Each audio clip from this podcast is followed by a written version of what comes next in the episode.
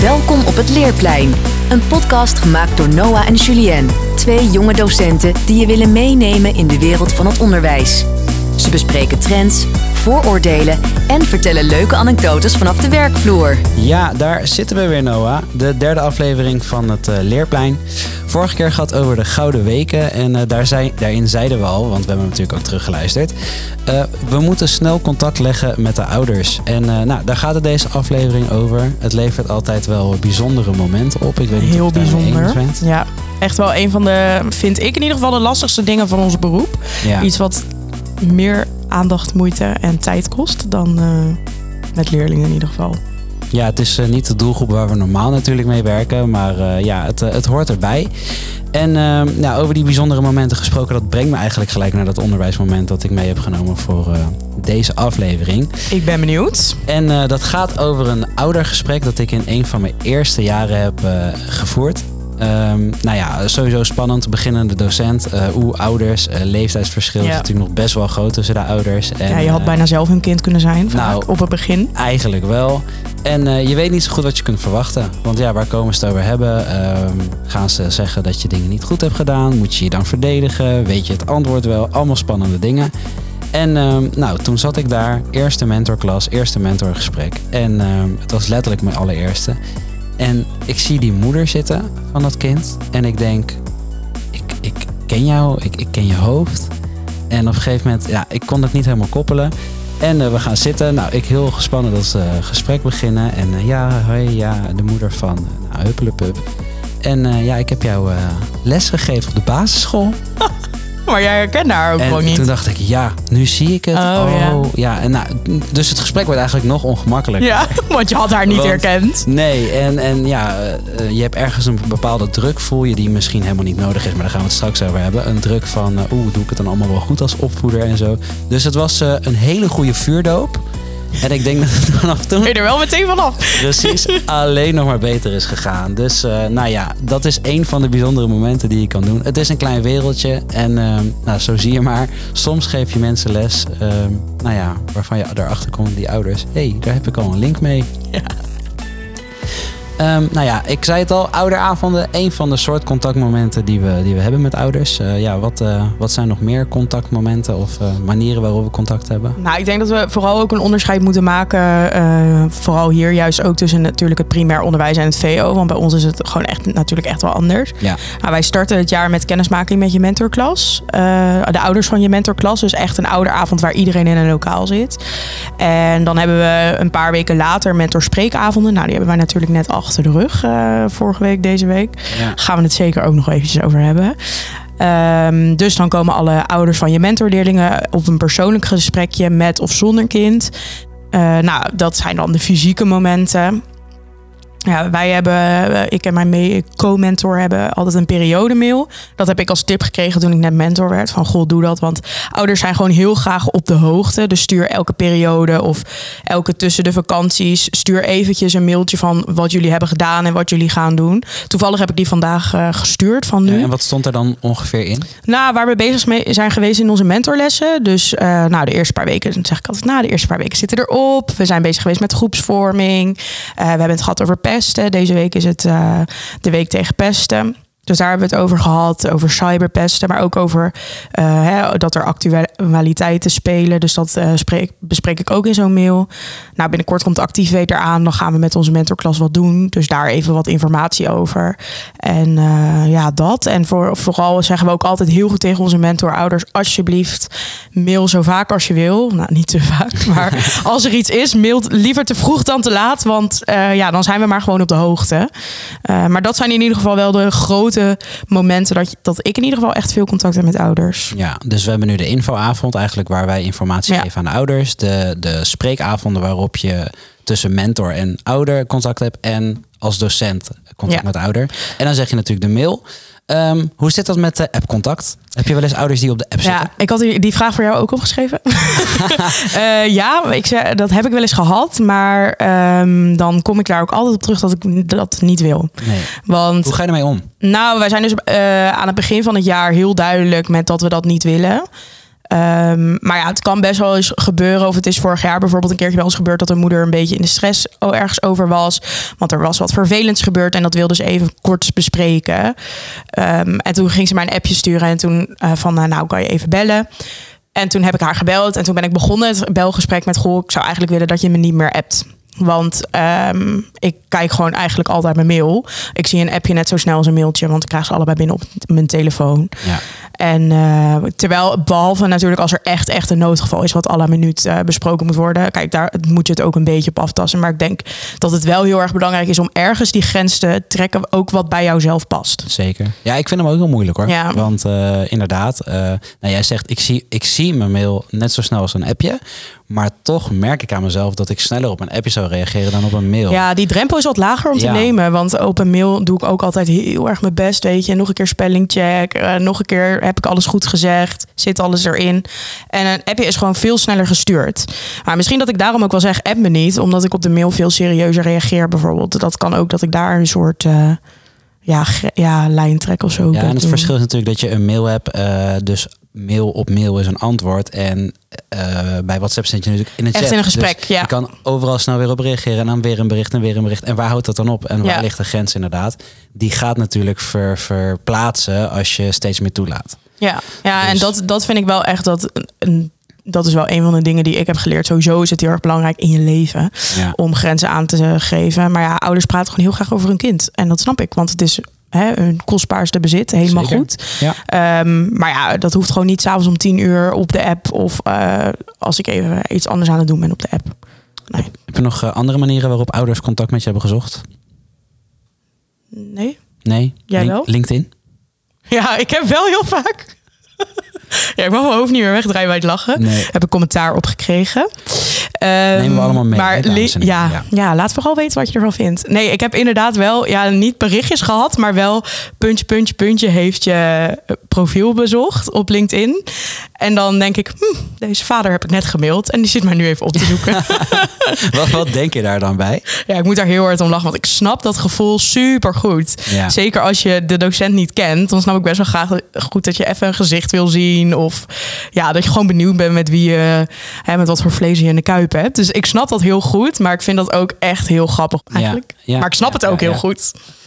Nou ja, ik moet ook wel zeggen, eh, ja, ja hoe, hoe, misschien kijk je er nu wel naar dat je denkt, ik kan er nu om lachen. Uh, voor je de eerste keer dat je zoiets zag, dacht je niet van, oh, ik word gecheckt of Ja. een bepaalde druk. Nou, sowieso kan ik wel verklappen dat ik echt heel zenuwachtig word van ouders. Ja. Eh, zeker in mijn eerste jaar. Ehm, echt heel zenuwachtig. En nou, daar heb ik wel echt hele grote stappen in gezet. Dus inderdaad, nu kan ik erom lachen. Maar ik denk dat als ik dat in mijn eerste week had gezien, nou, dat ik gewoon naar huis was gegaan, denk ik. Ja. En eh, iemand eh, die dat opzoekt, eh, wat voor soort ouder, hoe zou je dat voor ouder noemen? Nou, er zijn natuurlijk heel veel verschillende ouders. Leuk dat je dit bruggetje even inslaat, want ik heb natuurlijk een lijstje voor jou gemaakt. Uiteraard. Dan kunnen wij aan het eind van het lijstje even bekijken waar die daarbij hoort. Oké. Ehm, nou, laten we even beginnen met een wat makkelijkere. Ehm, eentje die we denk ik allebei wel een keertje tegenkomen. Nou, sterker nog, hij zat net in jouw onderwijsmoment. Ehm, ouders die zelf in het onderwijs zitten. Ja. Wat vind jij daarvan? Ehm, ik moet wel zeggen, eh, vaak weet je dat niet van tevoren. Nee. Zeker niet bij een eerste gesprek, maar daarna natuurlijk wel. Eh, dus het is ook niet dat je je erop kan voorbereiden. En gelijk als ik dit nu zeg, eh, stel ik mezelf de vraag: oké, maar moet je dat dan anders voorbereiden? Moet je je dan anders voordoen of moet je andere vragen Nee. beantwoorden? Eh, het hangt nog steeds binnen die groep af van wat voor soort ouder is het. Ja, tuurlijk. Ehm, want je hebt ouders die heel erg goed snappen ehm, hoe het is om een groep te managen, om een kind te managen. Ehm, dus die het kind het woord laten doen of eh, gewoon even bevestiging wilden horen en dan daarna tegen hun kind zeggen: Ja, zie je nou wel? maar die heb je in elke soort ouder. Die hoeven niet in het onderwijs te zitten. Nee, nee, dus die rol eh, is daarin weggelegd en dan denk je van: Nou, we weten waar we het over hebben, allebei. Ja. ja, je hebt ook de ouder die in het onderwijs zit en die daar een beetje gaat zitten oreren hoe je het misschien beter had kunnen doen. Ja. En daar heb ik toch wel wat meer moeite mee. Niet omdat ik denk, hey, we kunnen het hebben over mijn functioneren. Maar meestal wil ik dan zeggen, als je het wil hebben over mijn functioneren, verwijs ik u heel graag door naar mijn dienstgevende. Maar het doet ook wel wat met een kind als een ouder dus heel erg kritiek gaat hebben Absoluut. op jou of op beslissingen die je hebt gemaakt. Um, het is ook denk ik ook wel even goed om te zeggen dat bij ons bij de uh, gesprekken meestal de kinderen erbij zijn. Ja. Um, want dat is niet op elke school zo. Ik ben vroeger zelf nog nooit mee geweest met een oudergesprek, weet ik. Um, dus dat is natuurlijk sowieso al anders. Maar dat is wel echt een heel goed punt wat je zegt. Want het is gewoon nou, voor je geloofwaardigheid als docent, maar ook voor een ouder, denk ik, niet leuk. Als jij daar een beetje de wijsneus gaat zitten uithangen waar het kind bij is. Ja, ja en dat kind weet natuurlijk ook dat ouders zitten in het onderwijs. Dus je denkt van ja, uh, u doet het allemaal verkeerd. Um, en zelfs al zou het kind er niet bij zijn, als dit het signaal is en het signaal dat dus thuis ook waarschijnlijk wordt besproken. Ja, het zorgt er gewoon voor dat je zelf als professional minder geloofwaardig overkomt bij zo'n kind. En dan, dan denk ik. En dat komt ook het kind niet ten goede. Nee, dat. En ik denk dan altijd bij mezelf: oké, we zijn allebei professionals in precies hetzelfde vakgebied. Je zou eigenlijk moeten snappen dat dit niet de way to go is. Nee. Nee, of ze hebben zelf een heel slecht voorbeeld gehad van uh, allemaal ouders die bij hun op de ouderavond kwamen. Dat zijn natuurlijk. Ah, je hebt daar wel ook echt een groot onderscheid in. Want soms is het ook heel makkelijk als iemand een ouder uh, ook in het onderwijs zit. Want dan weet je, dan spreek je dezelfde taal. Ah, ik heb één keer gehad in mijn eerste jaar toen. Uh, um, had ik ook een oudergesprek. En toen was ik, uh, had ik een toetsanalyse gemaakt. En dat doen wij dan op een bepaalde methode met RTTI. En toen ging ik dat, wijze eerstejaars, ging ik dat even uitleggen hoe dat allemaal werkte. En toen vond ik altijd die, dat die ouder een beetje zo hm, reageerde. Maar verder niks gemerkt. En toen zag ik een paar weken later dat hij in onze nieuwsbrief stond. Omdat hij mee wilde doen bij de ouderraad. Had hij gesolliciteerd. Ja. Oh ja, want hij zat al twintig jaar in het onderwijs. En toen dacht ik dit verklaart een hoop. Want hij, ja, ik ging dat allemaal even lekker uitleggen. En heel veel ouders weten dat ook helemaal niet. Maar hij wist dat natuurlijk super goed. En toen dacht ik, ja. Nou, toen was ik al helemaal zenuwachtig of dat ik het wel goed had uitgelegd. Wat ik denk ik wel had. Ja, je hebt natuurlijk ook de ouders die zelf heel graag verkondigen dat ze het allemaal heel goed weten. Maar dat heb je natuurlijk in elk uh, elk soort ouder. En dan is het wel fijn als ze ook daadwerkelijk in het onderwijs zitten, moet ik eerlijk zeggen. Zeker. Dan kan je spreek in ieder geval dezelfde taal. Ja, dat is mooi. Ja. Uh, Oké, nummer twee. Dan gaan we naar de um, ouder. Um, nee, laat ik het even zo zeggen. Als jij een uh, docentenspreekavond hebt, dan zie jij vervolgens een aantal aanmeldingen. En dan zie je er bijvoorbeeld twintig staan. Hè? Ja. Dat is nog schappelijk, denk ik misschien. Als je elf uh, klassen hebt. Ja, ja. uh, en dan uh, denk je, nou oké, okay, ik heb voor elke ouder tien minuten of een kwartiertje. hoe fijn vind jij het dan dat er ouders komen die zeggen, ja, nou, ik was gewoon benieuwd hoe je eruit zag. Ja, ik moet heel erg oppassen wat ik nu ga zeggen. ja, want, denk er even goed over na. Ja, dit bereikt ouders soms ook.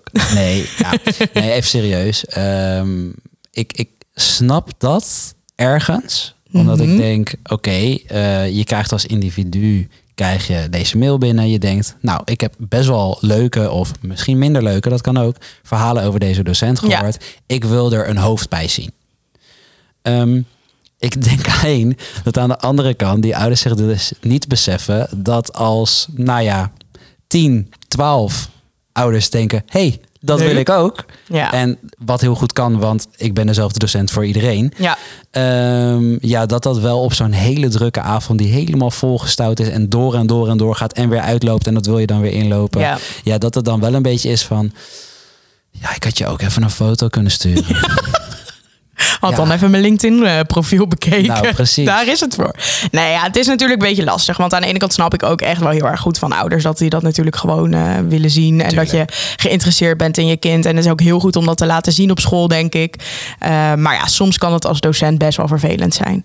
Ja. Um, kom gewoon met een goede vraag. Dan. Uh, ja, of kom met, überhaupt met een vraag. Dat is eigenlijk leuk. Oké, okay, dan heb ik um, de helikopterouder gevonden. Ja. Weet jij wat dat is? Nou, die moet je even uitleggen. Oh, dat ga ik ook even doen. De helikopterouder is de ouder die graag alles overziet. Dus die wil het hele pad voor zijn of haar uh, kind uitstippelen. Ja. Uh, en bekijkt dat dus ook van boven. Hè. Van een helikopter heb je een mooi overal plaatje. Um, nou, dan zijn er, ik, als ik even een voorbeeldje zou noemen, dan zijn er bijvoorbeeld ouders die al aan het begin van het jaar vragen van, oké, als je aan het eind van het jaar er niet goed voor staat, hoe werkt dat dan? En uh, ja, dan een profielkeuze, hoe zit dat dan bijvoorbeeld? Hè? Die dus echt alles bedenken waar het kind absoluut nog niet aan denkt. Heb je daar ervaring mee? Um, ja, vind ik nog even moeilijk. Daar moet ik even, even uitzoomen, even helikopterview ja, op mooi. zelf op, denk ik. Uh, jij zelf? Um, nou, ik heb daar niet slechte ervaringen mee. Maar kijk, wij werken met pubers, dus het is sowieso best wel vaak dat kinderen niet zo heel erg ver van tevoren over dingen nadenken. Ehm, nee, dus ik heb er geen slechte ervaringen mee, maar ik heb gewoon wel ouders die al eerder in de mail hangen, terwijl dat het kind nog niet eens door heeft dat hij op niet over gaan staan, bij wijze van spreken. Ja. Ja. Ehm, nou, dat, dat heb, heb je sowieso elke keer, denk ik wel. Uh, pubers denken heel erg korte termijn. Ehm, dus ja, ik denk sowieso dat ouders daar altijd wat, uh, wat verder in voorlopen. Um, maar ik moet zeggen, ik heb weinig van dat soort ouders nog mee Oké, nou, maar het is ook niet erg. Het is gewoon even een soort. Het is ook niet een waardeoordeel, want het kan ook juist heel goed zijn. Want voor sommige kinderen is dat ook echt, echt nog nodig, zeker op jonge leeftijd. Um, Oké, dan gaan we door naar de curling-ouder. Ja. Die ken je denk ik wel. Die ken ik wel. Nou, curling-ouder is, is, de ouder die eigenlijk alles wil weg hebben. Die wil alles wegkaatsen voor hun kind. Het hele pad vrijmaken. En zorgen dat er geen uh, obstakels op de weg zijn. Heb je daar ervaring mee? Ja, daar heb ik heel veel ervaring ja. dat, dat kwam er erg snel uit. Ja, nee, ik zat te wachten op de vraag. Ja? Nee, um, dit, dit maak je best wel vaak mee. En het is allemaal uit goede bedoelingen. Um, ik denk alleen wel, en ik zeg, eh, brugklasmentor ben ik. Dat had ik al eerder benoemd in een andere podcast. Um, ik geef echt wel altijd als boodschap mee van ja, ik zelf, en dat moet je als ouder dus ook nog steeds zelf weten, maar ik zelf vind het wel altijd een goede leerschool als iemand ergens tegenaan loopt. Want zolang sommige kinderen ergens niet tegenaan lopen, geloven ze het niet. Nemen ze het niet van je aan, want of ze zijn koppig of ze denken, nou het komt wel goed of het is nog niet fout gegaan. En waarom is het nog niet fout gegaan? Heel vaak omdat dat soort dingen er zijn weggehouden voor zo'n kind. Ja, en laatst zei ook een ouder tegen mij van, uh, die had daar echt een super goede blik op. Die zei van, ja, ik kan ook niet mee naar de universiteit uh, later. Dus uh, ja, dan moet mijn zoon of dochter dat ook eventjes gewoon nu al zelf proberen. En ik denk dat dat ook heel belangrijk is. Als we tot de zesde of tot de vijfde, hoe lang je ook op school zit, of de vierde. als je dat alles door je ouders laat wegkapen, ja, dan krijg je gewoon later in je leven, of dat nou op een school is of niet, alleen maar grotere problemen als je nooit iets zelf hebt hoeven op te lossen. Nou, sterker nog, het zorgt voor die, die prestatiedruk die er is. Uh, ja. Omdat uh, ja, het moet maar goed, het moet maar goed. En falen is geen optie. Voor zover het überhaupt falen is, maar zo wordt het dan wel ervaren. En ik denk juist dat door fouten uh, je heel goed leert. Um, bijvoorbeeld even een heel kort voorbeeldje. Ik moest mijn uh, theorie-examen halen voor het rij, uh, rijexamen. Toen heb ik alleen maar de avond van tevoren drie keer zwaar gezakt. Keer daarna wel geslaagd. Dus van je fouten kun je leren. En ja. het is helemaal niet erg om fouten te maken. Sterker nog, het is gewoon een nieuw leermoment. Nee, en op school is juist zoveel plek om ook die fouten te maken. Denk ik, zou moeten zijn in ieder geval. Ja, die dus veiligheid willen we wel bieden. Ja, en dus het is ook heel erg fijn als je dat als ouder ook kan stimuleren. Van joh, het is niet erg als het een keertje fout gaat. Hè, dat je ook die ruimte geeft om het beter te doen dat is heel erg fijn. En nou ja, je noemt net eigenlijk al heel erg faalangst en prestatiedruk. Gaan we gelijk over naar een nieuw soort ouder. We komen nu in de dierensectie. Uh, we zijn aanbeland bij de tijgerouder. De tijgerouder die vraagt veel van hun kind. Die uh, ja, zitten er dus dicht op. En daardoor uh, die zijn erg overgedisciplineerd. Ja. En je ziet wel vaak dat dat bij kinderen eigenlijk wel averechts werkt. Heb jij wel eens gehad dat je uh, merkte aan een kind dat iets heel erg van thuis moest? Of dat ze dat ook daadwerkelijk zeiden? Of heb je daar ervaring mee? Um, ik denk dat wij elk jaar meemaken, ook bij een bespreking van, van bepaalde leerlingen of een leerling overgaat, niet overgaat. Ja. Dat we heel vaak het signaal krijgen van ja, maar kind vindt het allemaal prima en die hoeft helemaal niet naar een niveautje hoger of die hoeft ja. helemaal niet op het VWO te zitten. Maar ouders willen dat heel erg graag. Ja. En daar ben ik echt wel een beetje allergisch voor. Ja, dat ik is snap heel het. naar. Ik snap dat je het hoogste na wil streven. Alleen is dat in het belang van je kind of is dat in het belang dat je het zelf ergens kan vertellen op een verjaardag? Dat gevoel krijg ik er soms. Ja, dat is echt ja, ik vind dat daar kan ik echt kippenvel van krijgen. Als je een kind ziet die echt denkt, nou ja, het is gewoon prima. Of ik moet heel erg op mijn tenen lopen. Hè? En wij als docenten proberen dan juist heel erg naar het kind te krijgen. Dat zijn dan ook signalen wat van de docenten komt. Ja. En dat je dan soms hoort van nee, maar uh, dit kind kan het gewoon makkelijk aan van ouders. Ja. En dat is gewoon ja, een heel ander beeld dan ook wat je hebt. Zeker. En, en niet te verwarren trouwens met ouders die zeggen of denken: mijn kind kan veel meer, maar hij doet gewoon niks. Want nee. dat, dat, is niet wat we bedoelen. Nee. Het gaat echt om nou, leerlingen waarvan wij ons echt afvragen: van, is, is die capaciteit er dan echt? Ja. Uh, Zou hij of zij niet beter af zijn op een ander niveau om wat meer rust en blijheid te krijgen? En om het uiteindelijk misschien alsnog te bereiken, maar via een andere weg? Ja, ja, zeker. Ja, laten we vooral ook afgaan van het stigma dat je alles maar in één keer hoeft te halen. Zeker. Ik zeg ook altijd tegen mijn leerlingen, joh, je moet nog zo lang werken. Wees blij als je een hele jaartje langer op school kan zitten. Tuurlijk is dat niet de bedoeling. En ik snap ook echt wel dat dat niet het idee is. Maar hè, het is wel soms ook even om een beetje rust te creëren. Of uh, ik zeg ook altijd, nou, uh, ga nou even niet uh, s'avonds tot 12 uur huiswerk maken. Want je moet nog zes jaar op het VWO Ja. elke dag huiswerk maken. Ehm, Dat ook- klinkt wel ervaren voor, voor twee docenten die onder de 30 zijn. Ja, zoveel levenservaring. Als we het over lang, lang werken hebben. Ja, dat moeten wij ook nog. Maar oké, eh, de laatste die ik heb, eh, dat is de dolfijnouder. Mhm. Enig idee? Wat zou dat zijn? Nee, ik weet het niet. Het is iets wat jij heel belangrijk vindt. Wat ik heel erg belangrijk vind. Nou ja, ik, vind, Dus je bent a- super allergisch voor de dolfijnouder. ik ben super allergisch voor de Ja. dolfijnouder. Ehm, ik heb eh, nu al een paar keer verkondigd dat ik een veilig leerklimaat heel erg belangrijk Ja, vind. oké, klopt. Dat is het niet. is wel heel belangrijk. Nee, maar dat wel is goed niet de voorbereid. Hij was heel cryptisch, maar komt er dus niet uit. Nee, jammer. Oké, de dolfijnouder, dat is... ehm, die zijn of haar kind heel erg eh, behandeld als kind. Ah, En eh, volgens mij heb jij eh, ergens in een van, ons, een van al onze podcasts ja. eh, verteld dat jij het heel belangrijk vindt dat we op de middelbare school beginnen. Dus dat we eh, echt, ehm, ja, ik weet al wanneer het was toen jouw levensstrategel ging afkappen vorige Ja. keer. Dat jij het heel belangrijk vindt dat we gewoon ze behandelen als, als pubers, als oudere kinderen. En dat we niet ehm, ze willen behandelen echt als een klein kind.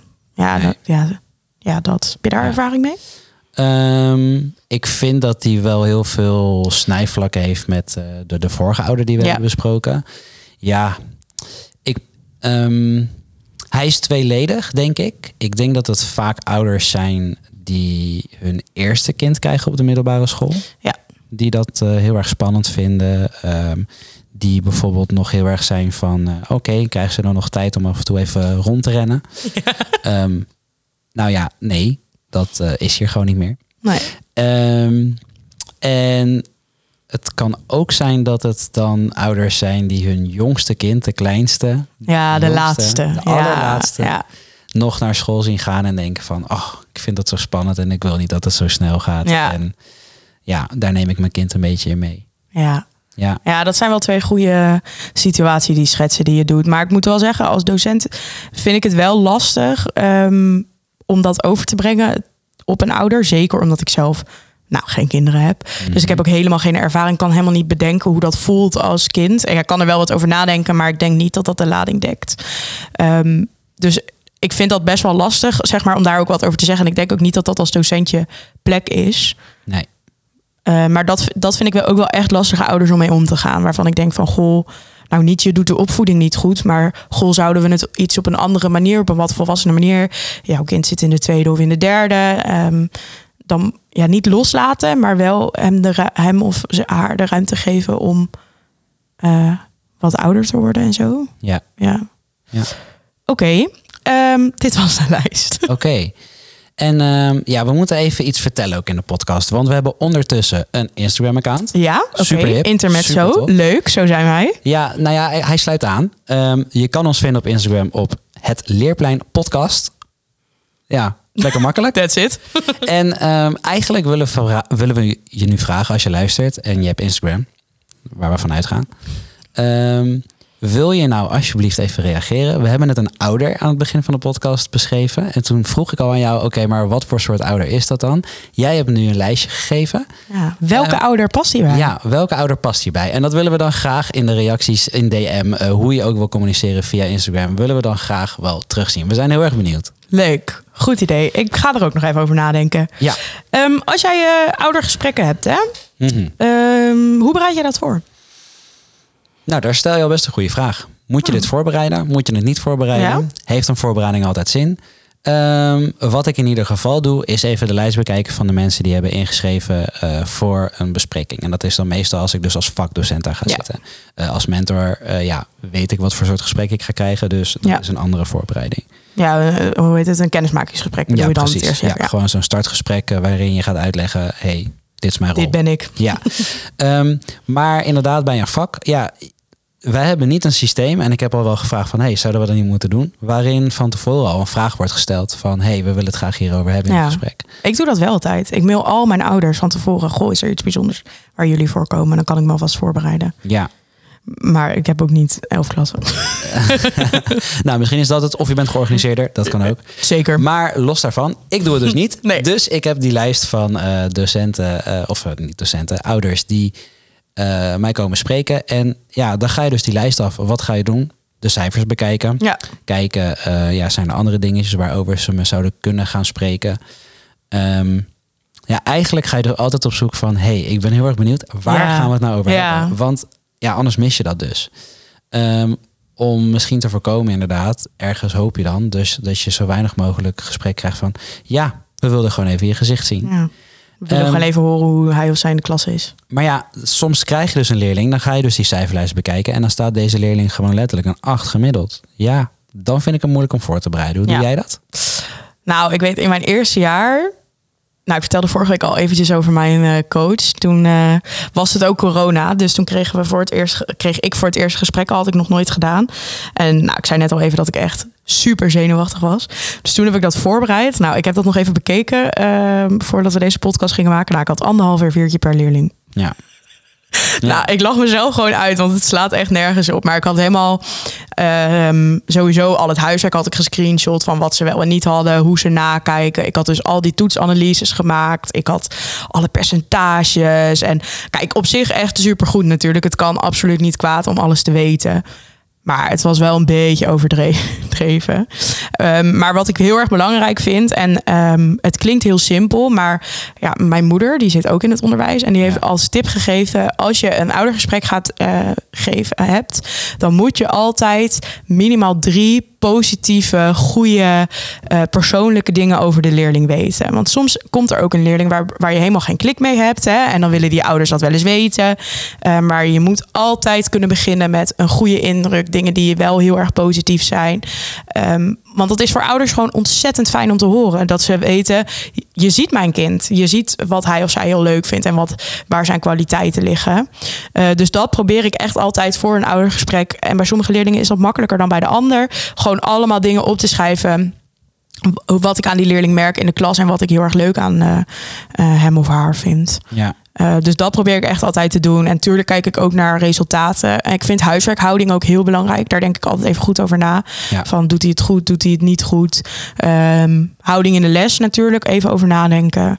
Maar ik ben wel gestopt met uh, A4'tjes vol typen. dus ik uh, heb nu zo'n A5 boekje waar ik dan wat puntjes op schrijf. Ja, oké. Okay, dus je bereidt ze nog wel voor. Ja. Um, nou, ja, nou wil ik eigenlijk aan je vragen. Dat heb je dus helemaal voorbereid. Maar als je nou echt het gevoel dat je netto onderaan de streep heel veel meer over die leerlingen wist dan dat je eigenlijk eigenlijk al onbewust wist? Nee, maar wat wel heel erg fijn is, is dat je iets tastbaars hebt om het te laten zien. Hou vast. Ja, maar ook, uh, nou, dit was dan die corona-gesprekken. Dat, dat, nou, leerling was mee, leerling en vader.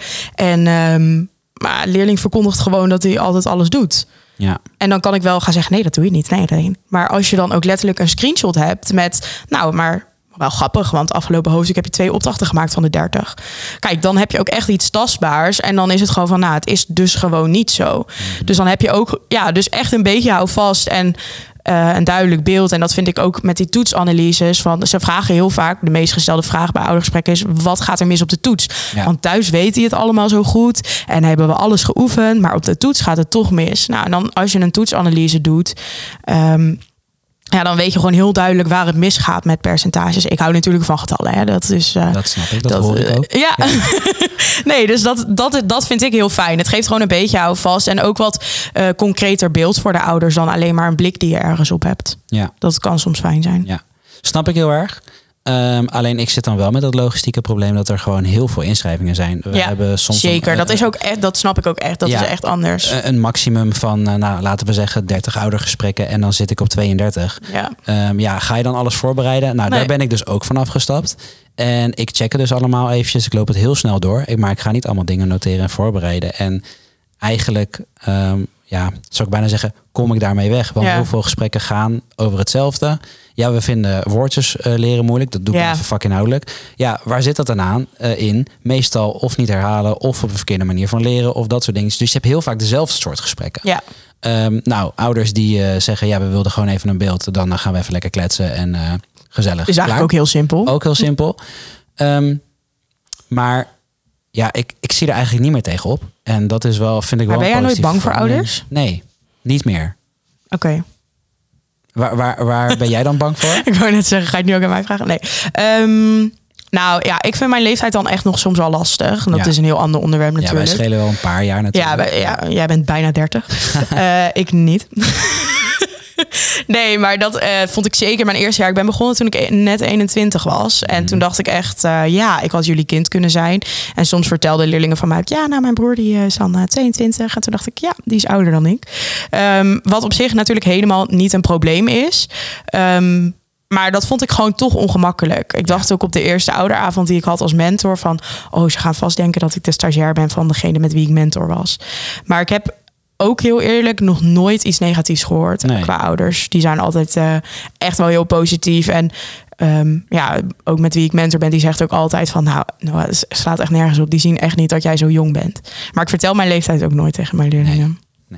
Nou, dat, dat we stiekem een beetje wat tips gehoord. Ik denk dat ik ooit een keer de allerbeste tip ooit heb gekregen. Um, van toen mijn direct leidinggevende. Mm Want toen, nou, toen zei ik ook wel, ja, ik vind uh, toch wel die oude gesprekken best wel spannend. Mijn leeftijd speelt daarin een rol. En toen zei hij toch wel, want ik zei dat eigenlijk weer in het begin ook al. Um, maar jij bent een professional. En ja. als ze het over jouw functioneren willen hebben, dan moet je ze gewoon naar mij toe verwijzen. Zeg dan maar, oké, maar als je het over mijn functioneren wilt hebben, dan moet u contact opnemen met mijn leidinggevende. Maar heb jij dat echt gehad, dat mensen echt op je, over jouw functioneren kwamen praten? Nou ja, ik heb wel een keer een gesprek gehad dat het heel erg ging over mijn vak en dat mijn vak niet leuk was en dat het allemaal stom was en uh, dat uh, nou, ik daardoor ook stom was, want ik gaf dat vak. En uh, het was allemaal heel negatief. En toen heb ik gewoon gezegd tijdens dat gesprek, luister, het is heel simpel. We gaan het of nu proberen een oplossing te vinden waardoor uw ja, kind... voor uw kind. Ja, het er nog wat uit kan halen. Of we gaan het heel erg negatief houden en dat is prima, dan gaan we dat doen. Dan ga ik heel erg luisteren. Ja. Nou ja, en toen sloeg het gesprek ook om en toen was het van oké, wat kunnen we er dan doen om er samen nog wat van te maken? En ja, eigenlijk daardoor denk ik nu helemaal van ja, kom maar op. Ja. Ja, ik moet ook wel echt zeggen dat ik uh, dat dus ook nog nooit heb gehad. Dus ik ben ook echt bang voor niks. En altijd na de ouderavond denk ik altijd, oh, dit was echt leuk. Want ik vind het ook heel leuk om er wat dieper op leerlingen in te gaan. Want ja, sommige ja, leerlingen zijn echt super grappig. Dus het is ook heel leuk om die leuke dingen over uh, hun kind te vertellen. En om ook de andere kant te horen. Want laten we heel eerlijk zijn, kinderen zijn vet anders op school dan thuis.